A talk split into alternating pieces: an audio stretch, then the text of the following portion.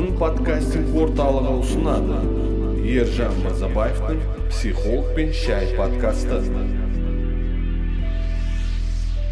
Достар қайырлы күн. Сіздермен бірге мен ержан мырзабаев отбасылық психолог және отбасы академиясының негізін құрушы. Біз қазіргі таңда психолог пен шай подкастындамыз. Барлықтарыңыз қош келіпсіз. Сонымен қатар менімен бірге менің досым және толқын подкастинг орталығының директоры эльдар құдайбергенов. Эльдар қалайсыз? Саламатсыздар ма жақсымын. Ереке академияң құтты болсын.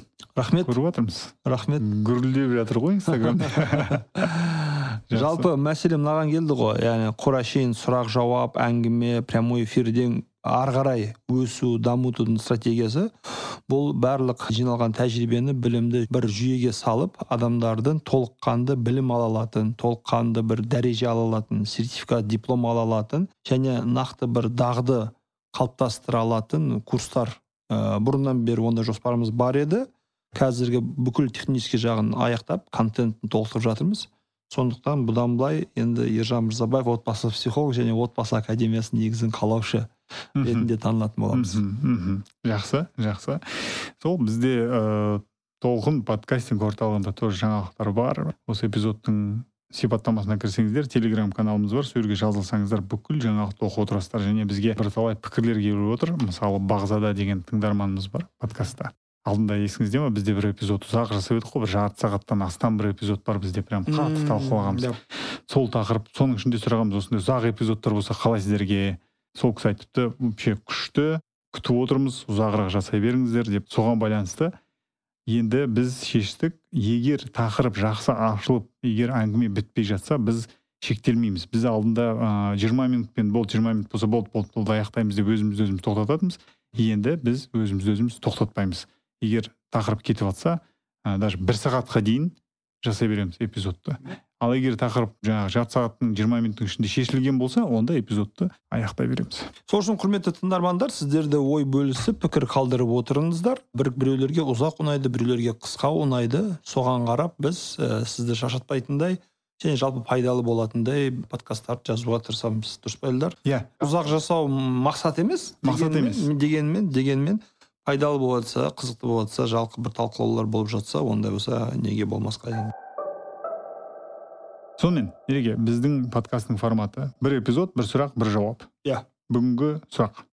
Эльдар білесіздер жақын арада мынау көрші елде татарстан елінде қазан қаласында террорлық оқиға болды.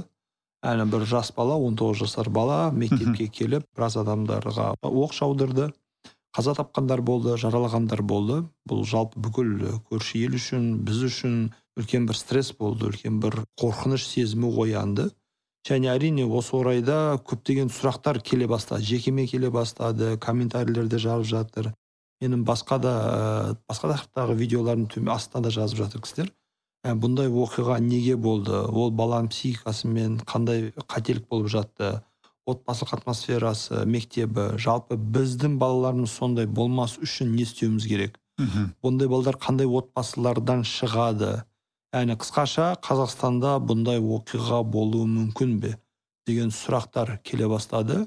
Сол сұрақ бойынша бүгін әңгіме қозғағым келіп жатыр ереке менде бірінші сұрақ сізге. Осындай қайғылы оқиға сол мектепте қалайша орын алды? Біріншіден ә, бұндай балалардың психикасын психологиясын талқылайтын болсақ бұл жерде ә, үш түрлі фактор бар. Біріншісі отбасы факторы. Ә, екіншісі бұл қоршаған орта факторы и үшіншісі бұл адамның жеке психологиялық факторы. Ә, үшінші фактор туралы мен қатты сөз қозғағым келмейді. Өйткені ресми мәліметтерге сүйенетін болсақ бұл бала ешқандай психологиялық клиникалық есепте тұрмаған. Мхм. Ондай нақты бір психологиялық ә, ақаулығы бар деген диагнозын естіген жоқпыз білген жоқпыз. яғни психологиялық тұрғыда ауытқуы бар адам деп айту қиын. Яғни оны әрине сол жерде жергілікті мамандар қарап диагноз қойып біліп белгілеу керек еді. Бірақ біздің қолымыздағы мәлімет бойынша ондай нәрсе жоқ. Демек екі фактор қалып отыр. Бұл отбасы факторы және ә, қоршаған орта факторы мектеп факторы. Осылардың әсерімен адам террорист бола алады ма? Адам террорист бола алады. Және ә, отбасы мәселесін қарайтын болсақ мысалға біз білетін мәлімет бойынша бұл бала әкесіз өскен. Мхм. Демек толық отбасыдан шықпаған. Демек үйдегі анасы бар ма анасымен басқа кісілермен қарым қатынасы нашар болған деп ойлаймын. Өйткені балаға мынандай нәрсе болады. Жалғыз басты аналар толық емес семьялардың ең үлкен проблемасы бұл балаларға уақыт тапшылығы. Өйткені бірінші тұрғыдан экономикалық қиындықтар материалдық қиындықтар бала шағаны асырау ол үшін күндіз түн демей жұмыс істеу жұмыс істей отырып баланың жеке проблемалары психоэмоционалды жағдайы мектептегі атмосферасы оның проблемаларымен айналысуға уақыт бола бермейді. Осы тұрғыдан да ата анасы ата ана тарапында осындай нәрсе болған болуы мүмкін деп ойлаймын. Екіншісі мынаны ұмытпау керек. Ана балаға мейірім сүйіспеншілік береді әке балаға сенімділік береді. Және қару жүгініп кінәсіз қарапайым адамдарға бейбіт күнде оқ жаудыру бұл сенімсіздіктің белгісі. Яғни ол кісілерге қандай да бір қастандығы бар болса да ол кісілермен қандай да бір проблемасы бар болса да оны өзіне сенімді мәдени кісілер ретінде барып сөйлесудің орнына барып оларға оқ жаудыру бұл сенімсіздік кесірі әкенің жоқтығы әкелік қарым қатынастың әкелік қолдаудың жоқтығы осыған алып келеді осының нәтижеге алып келеді. Сол үшін біз ата ана ретінде осы факторларды ескере отырып балаларымызбен дұрыс қарым қатынас құруымыз керек деп ойлаймын. Мхм. Сіздің ойыңызша жаңағы баланың шешесі осы тапшылықты иә әкенің жоқтығын тапшылығын орнын баса алар ма еді егер арнайы бір қадамдар жасаса? Баса алар еді. Сіз дұрыс сұрақ қойдыңыз елдар. Яғни барлық толық емес семьялардан тек қана террористтер шығады деген ой туындамау керек. Немесе әкесіз өскен балдардың барлығы бұзық болады деп ойламау керек. Мен өзім жеке білетін танитын қаншама әйел кісілер бар. Әкесіз әкенің орнын толтырып жоқтығын еш сезінбей баласы ел қатарлы жұрт қатарлы жүретін тұратын үлкен жетістікке жететін бала тәрбиелеп жатыр. Меніңше бұл жалпы тағы бір қосымша эпизодтың тақырыбы сияқты. Мүмкін мүмкін. Яғни алдағы уақыттарда оқырмандардан осы сұрақтар келіп жатса оны талқылай аламыз бөлек бір тақырып ретінде. Бірақ біздің өзіміз тақырыбымызға оралатын болсақ баланың ә, осындай атмосферада ата ана ретінде не істеу керек? Баланың ешбір проблемасына мән жай қарамау керек. Мен мынандай оқиғаларды жиі естимін әсіресе өзімнің ә, таныстарымнан туыстарымнан жақындарымнан. Не дейді? Бала келеді әке мені мектепте ана балдар ұрды дейді. Сөйтіп әкесі немесе мамасы не кішкентай баласың ба неге таяқ бар да таспен бастарына бұр сен жігіт емессің ба сен ұл емессің ба сен еркек емессің ба жаловаться етпе ябенчить етпе шағымданба өз проблемаларын өзің шеш дейді. Бір жағынан олар балаға біз тәрбие беріп жатырмыз деп ойлайды. Бірақ негізі баланы қиын жағдайға түсіріп жатыр. Содан кейін баладан жауапкершіліктен кету. Баладан жауапкершіліктен кету. Демек мені біреу ұрған кезде мен оған максимально зиян келтіруім керек. Сіз балаға тас алып ұр деген кезде а тас жетпей қалса не істеймін мен? А демек барып қарумен де өлтіре салсам болады. Оқ жаудыра салсам болады ұра салсам болады деген мысалы бағана казандағы баланың құрдастары айтып жатыр. Бала негізі мектепте үндемей тыныш жүрген бала болған және бұл бала құрдастары тарапынан буллингке ұшыраған жәбірлеуге ұшыраған тиіскен ұрған соққан ренжіткен бұл балдарды. Сондықтан іштегі бұл ыза қайда төгілді? Осындай бір террорлық әрекетке алып барды. Енді міндетті түрде бұл жерде қазір ол 19 жасында ол бір күнде бұндай террорист болған жоқ. Жылдар бойы ішіне жиналып қалған жиналып келген кек дұшпандық қастандық реніш агрессия ә, соны жиналып жиналып жиналып осындай түрде не істеді? Атылды ортаға шықты. Сондықтан бала проблема келген кезде мән жай қарамау керек. Бала неге ата анасына шағымданып келе жатыр? Баланың ата анасына шағымдану деген сөз мен өз күшіммен өз проблемамды шеше алмадым. Шеше алатын болсам мен келмейтін едім. Өзімді қорғай алатын болсам ата анаға бармайтын едім. Мен егер өзім шешсем ол проблеманы мен бір нәтижелермен келер едім. Иә или же осындай болды осылай шештім деп қойды. Ал ата аналар дереу дереу кім ренжітті? Қайда ренжітті? Не істеді? Жүр. Мен сені көмектесейін. Сөйтіп барып сіздің балаңызды кім ұрып жатса кім соғып жатса соның сынып жетекшісі директор орынбасары мектеп директоры ата анасын барлығын шақырып бағанағы жәбір көрсеткен балаларды жауапкершілікке тарту керек. Сол кезде сіздің балаңыз сіздің балаңызда мынандай ой қалыптастырады а демек адамдар арасында проблема туындаған кезде бұны шеше алатын бір жоғарғы инстанция бар бір күш бар. Бала кезінде бұл ата ана болатын болса ересек кезінде бұл құқық қорғау органдары болады. Және біз адамдарға мәдени түрде проблемаларын шешу мәдениетін қалыптастыруымыз керек. Біз орта ғасырда өмір сүріп жатқан жоқпыз. тоқсаныншы жылдары өмір сүріп жатқан жоқпыз понятиямен өмір сүретін кім кімді ұрса сол мықты ешкім ешкімге жәбірленбейді бәрі өз проблемасы өзгеше біз ол, ол уақыттан біз өттік. Қазіргі таңда мен не істеп жатырмын? Мен салық төлеп жатырмын. Менің салығыммен полиция жұмыс істеп жатыр. Полицияның міндеті мені қорғау. Мхм. Демек мен өзімді қандай да бір тәуекелге тастап яғни бір рискке тастап барып біреумен ерегесу төбелесу біреуге бір нәрсе дәлелдеу еркектік көрсету маған қажет жоқ. Полиция бар менің ақшаммен менің салықтарыммен өмір сүріп жатқан солар келіп дұрыс шараларды қолданып мені қорғау керек. Және қоғам ретінде біз соған сенуіміз керек и ол мектептен басталады. Ата ана сені қорғай алады полиция сені қорғай алады. Сен тек қана дұрыс жерге уақытылы шағымдан. Әйтпесе прав бола тұра неправ болып кетесің? Балдар сені ұрды сен өзің қорғаймын деп бар баланың басына таспен бір ұрдың не болды? Сен неправ болдың?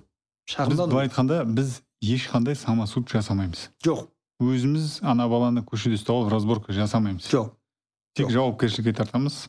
Қоғамның күшімен органдардың күшімен немесе сол мектеп болсын сол, сол Иә. арқылы. Иә иә иә. И, бұл өте маңызды нәрсе.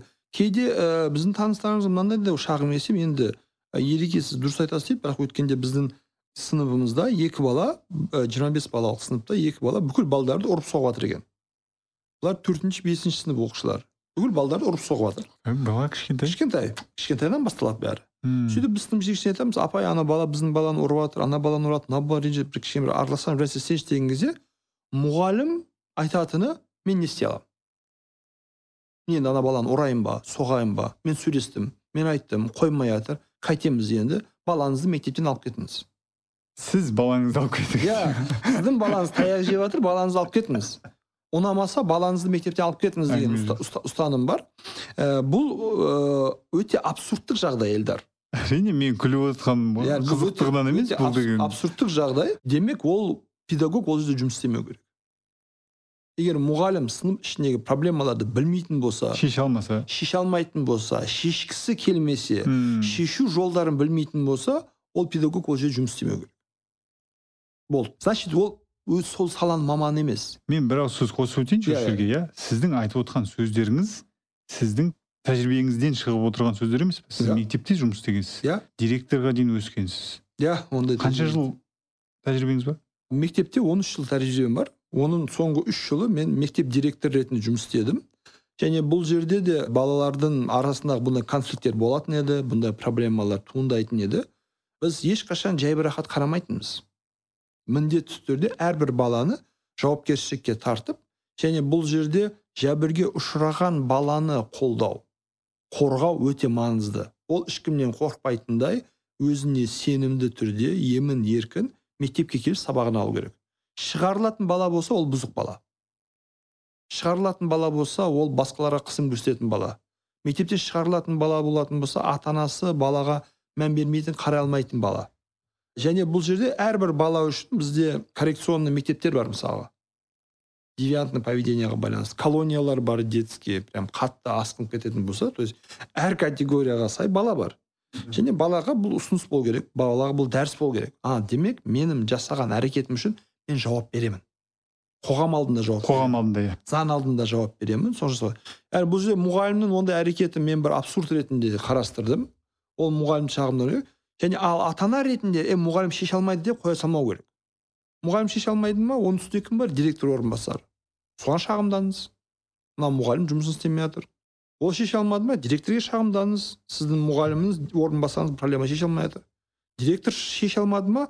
Ондай болса районо гарано аблано деңгейіндегі білім басқармаларына шағымданыңыз сіздің қойған директорыңыз мектеп ішіндегі мына проблемаға немқұрайлы қарап жатыр. Менің балам таяқ жеп жатыр қауіпсіз сезінбей жатыр жұмысын істей алмай жатыр деген сияқты әрбір министерствоға дейін әкімдіктерге дейін полицияға дейін сотқа дейін шағымдану балаңызды қорғау мүмкіндігіңіз бар. Тек қана бір мектеп сынып жетекшісіне ғана тоқтап қалып мәселе тұрып қалмау керек. Сол кезде ғана бала өзіне сенімділік пайда болады. А демек менің ата анам мені қорғау үшін қолынан бәрі келгенін істейді. Демек мен өз бетіммен біреуге зиян келтіру ұру соғу өлтіру қинау жару арқылы ондай әрекетке баруым керек жоқ. Менің қазіргі таңдағы міндетім мектепте сабағымды оқу білімімді алу өзімді жетілдіру болды. И ал енді бұлар құрдас қой балалар арасында болып тұрады ғой неге оны проблема соншалықты ушықтандырамыз деген келетін болса физиологиялық тұрғыдан және жас ерекшелігі бойынша балалардың арасындағы айырмашылықтар психологиялық тұрғыдан да үлкен айырмашылық алып келеді. Мысалы сіздің жасыңыз нешеде елдар отыз үшке толамын. Бұйырса сіз отыз үшке толасыз мен отыз алтыдан астым арамызда примерно бір үш төрт жас разница бар иә біз отыздан асқан кезде үш төрт жылдық разница қатты сезілмейді біз емін еркін сөйлесіп әңгімелесе береміз иә ол рас яғни ал төртінші бесінші класста сегізінші оныншы класста ол жерде әрбір жыл әрбір жарты жылдың қатты әсері болады ол рас иә яғни екеуі де мысалға біреуі ә, қаңтар айында туылған болса біреуі қараша айында туылған болса былай айтқан кезде бір жылда туылған балдар сияқты бірақ психологиялық тұрғыдан даму тұрғысынан өте үлкен айырмашылық бар. Сондықтан е бұлар құрдас қой бір бірін ұра берсін бір бірін соға берсін деп бұған көз жұмуға болмайды. Міндетті даже бір жыл бір күн бір бір секундта туған адам болса да ол бірін бірін ұруға болады деген иә иә жәбірлене жәбірге ұшырауға ешкімнің міндеті жоқ. Екінші жағынан сіз балаңызды осындай ұрып соғудан қорғау арқылы мхм. сіз ұрып соғып жатқан баланы болашақ бандит болудан қорғап жатсыз. Қылмыскерлер қайдан шығады? Кішігірім қылмыс істей отырып а мынаны істесем ештеңе болмайды екен а мынаны жасасам ештеңе болмайды екен деп сөйтіп сөйтіп сөйтіп үлкен қылмыстарға батылдық жинайды. Мхм. Ал уақытылы тоқтатылатын болса дұрыс шаралар қолданылатын болса ата анасы жауапкершілікке тартылатын болса онда а менің осындай кішкентай нәрсем үшін осынша айқай шу проблема болып жатса одан үлкен проблема туындатса одан да үлкен проблемалар болады. Жауап беруім керек болады деген сияқты. Бала кішкене сескенетін болады және өз әрекеттеріне байқап жүретін болады. Яғни ата ана факторы осы. Сондықтан шағымданған кезде баланы қорғау бала өз бетімен өзін қорғау қажеттілігін сезінбеу керек. Әйтпесе осындай қауіпті жағымсыз әрекеттерге апаруы мүмкін. Екіншісі ә, бұл жерде қоғамның әсері дедік. Яғни балалар арасындағы буллинг мәселесі жәбірлеу ұрып соғу қысым көрсету қазіргі таңда мектептер онлайнға өткелі бері кибербуллинг деген түсінік пайда болды. Яғни әлеуметтік желіде интернет ортада белгілі бір баланы ортаға алып оған тиісу оны жамандау оны боқтау әрекеттерін жасау. Бұл психикасы әлсіз болған балдарға қатты әсер етеді. Біріншісі бағанағы қазандағы оқиға сияқты ішіндегі кек дұшпандық жиналып жиналып жиналып барып олардың бәрін өлтіремін қырамын жоямын түсінігі. Екіншісі бұл ә, өз өзіне қол жұмсауға апаруы мүмкін.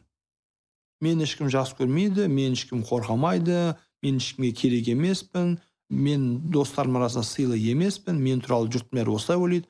Болды мен өмір сүруге лайық емеспін деген ой туындатуы мүмкін. Мен бұл өмірде керек емеспін. Мен бұл өмірде керек емеспін иә. Мен кеткенім қалайды деген ой келуі мүмкін. Ондай ой келеді. Сондықтан мектептегі буллингке біз ерекше назар аударуымыз керек қазіргі таңда. Оны мектеп сынып жетекшісі болсын мектеп директоры болсын білім басқармасы болсын білім министрлігі болсын және әрбір ата ана ретінде біз күнделікті баламен сөйлесіп мектепте не болып жатыр не істеп жатыр қандай проблемалар болып жатыр. Тек қана балам қалайсың қарның тоқ па емес балам қалайсың сыныпта не болып жатыр? Мүмкін сіздің балаңыз ә, біреуге жәбір көрсетіп жатыр немесе жәбірленіп жатыр. Немесе жәбір көрсетудің куәгері болып жатыр. Осындай мәселелерді уақытылы анықталып дереу керекті жерлерге хабар беріліп шаралар қолданылатын болса онда біз балаларымызды үлкен қауіп қатерден аман сақтап қаламыз. Яғни қазандағы оқиғаға байланысты мен осындай екі негізгі факторды көріп жүрмін. Бізде ондай нәрсе қайталануы мүмкін ба? Өкінішке орай қайталануы мүмкін. Қазіргі таңда біздің балаларымыз мектептерде жүз пайыз қауіпсіз деп айта алмаймыз. Мектепке кіріп шығу ережесі қалыптаспаған әр адам кіріп шығып жүре береді. Мысалы жекеменшік мектептерден бөлек. Сонымен қатар мектептегі біз идеологиялық проблемалар патриоттық тәрбие проблемалар балдар арасындағы жағымсыз әрекеттер проблемаларын бәрін ескеретін болсақ және ата аналар мен балалар арасындағы қарым қатынастың нашарлығын ескеретін болсақ бұл мәселе еш болмайды деп айту қиын. Мысалға юнисефтің статистикасына сүйенетін болсақ қазақстанда 67 процент ата ана тәрбиелік мақсатта физикалық жазалауды қолданады. Біз осы алдыңғы аптада инстаграмға шығардық опрос. Соңғы шыққан эпизодқа байланысты сіз балаңызды тәрбиелік мақсатта ұрасыз ба деп. Мен ана сол сұраудың нәтижесінен былай айтқанда шок алдым М. кеше қарағанда 45 пайыз ата ана иә ұрамыз деп жауап берген. Ұрады бірақ бұл жердегі айналып келген кезде ұру арқылы сіз балаға проблеманы зорлық зомбылықпен шешу керектігін түсіндіріп жатсыз сөйлесу әңгімелесу мәмілеге келу конструктивті диалог құру конструктивті әдістер пайдаланудың керегі жоқ маңызды емес ең тиімді ең тез жолы ұра салу соға салу жазалай салу екенін көрсетіп жатсыз. Және бұл автоматты түрде үйде көрген нәрсесін бала мектепте қайталайды үйде көрген нәрсесін бала сыртта қайталайды. Және бұл тұрғыдан біз жалпы қоғамдағы напряжение жалпы қоғамдағы агрессияны осылай не істеп жатырмыз генерировать етіп шығарып жатырмыз деп ойлаймын. Ереке жаңа мектеп туралы иә мектеп қауіпсіздігі туралы мектептің алдына күзет қою. Осындай қазандағы оқиғалардан сақтай ала ма? Жүз пайыз сақтай алмайды.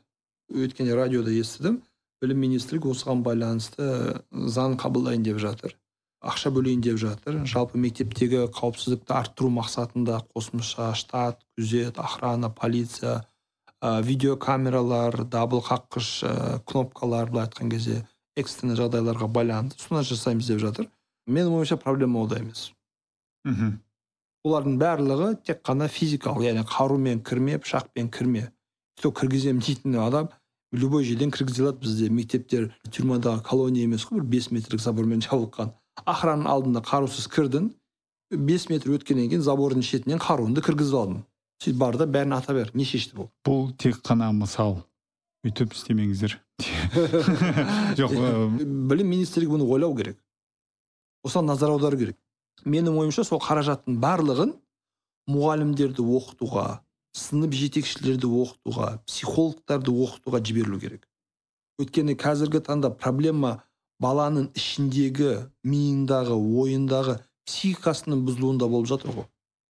Осы қаражаттың барлығын әрбір мектеп қабырғасында ата аналарды оқытатын ата ана академиясы құрылу керек.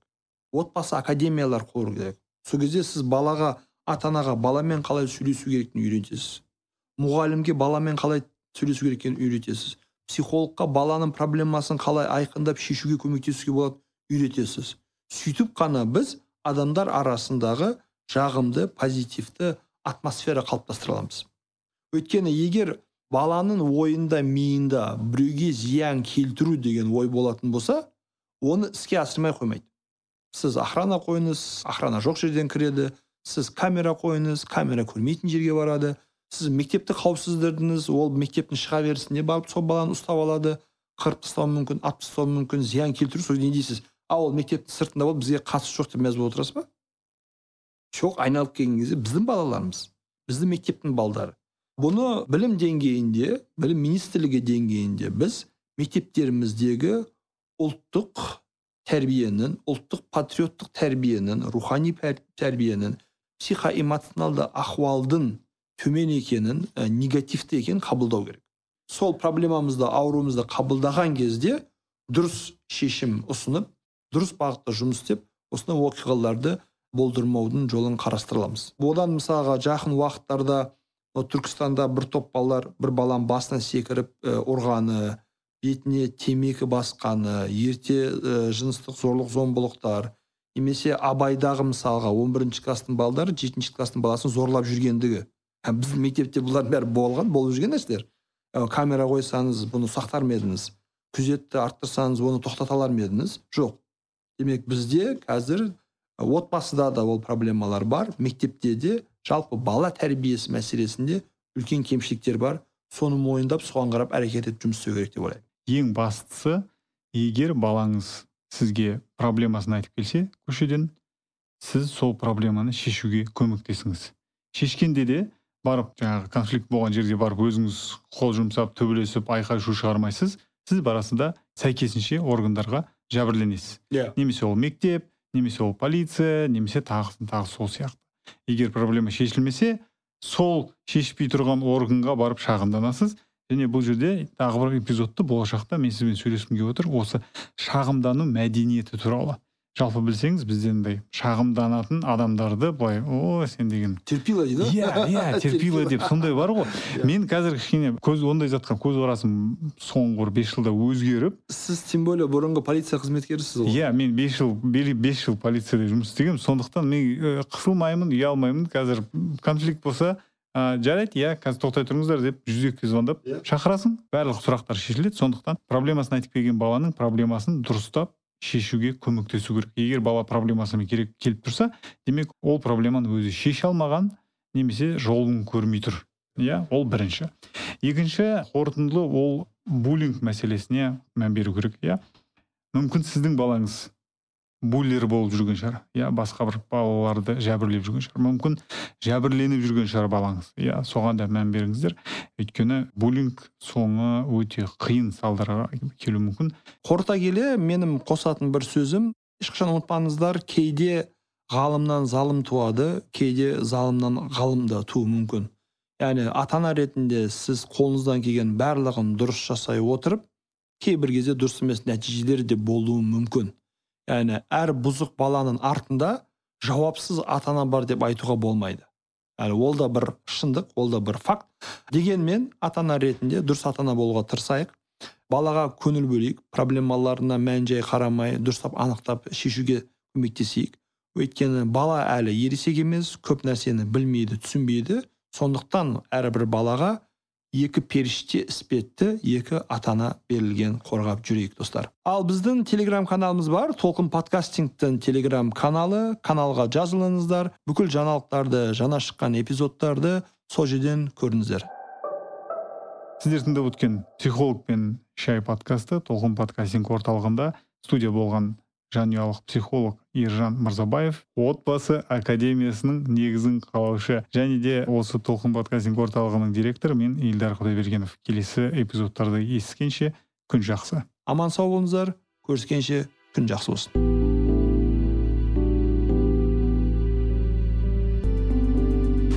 Толқын подкастинг орталығы.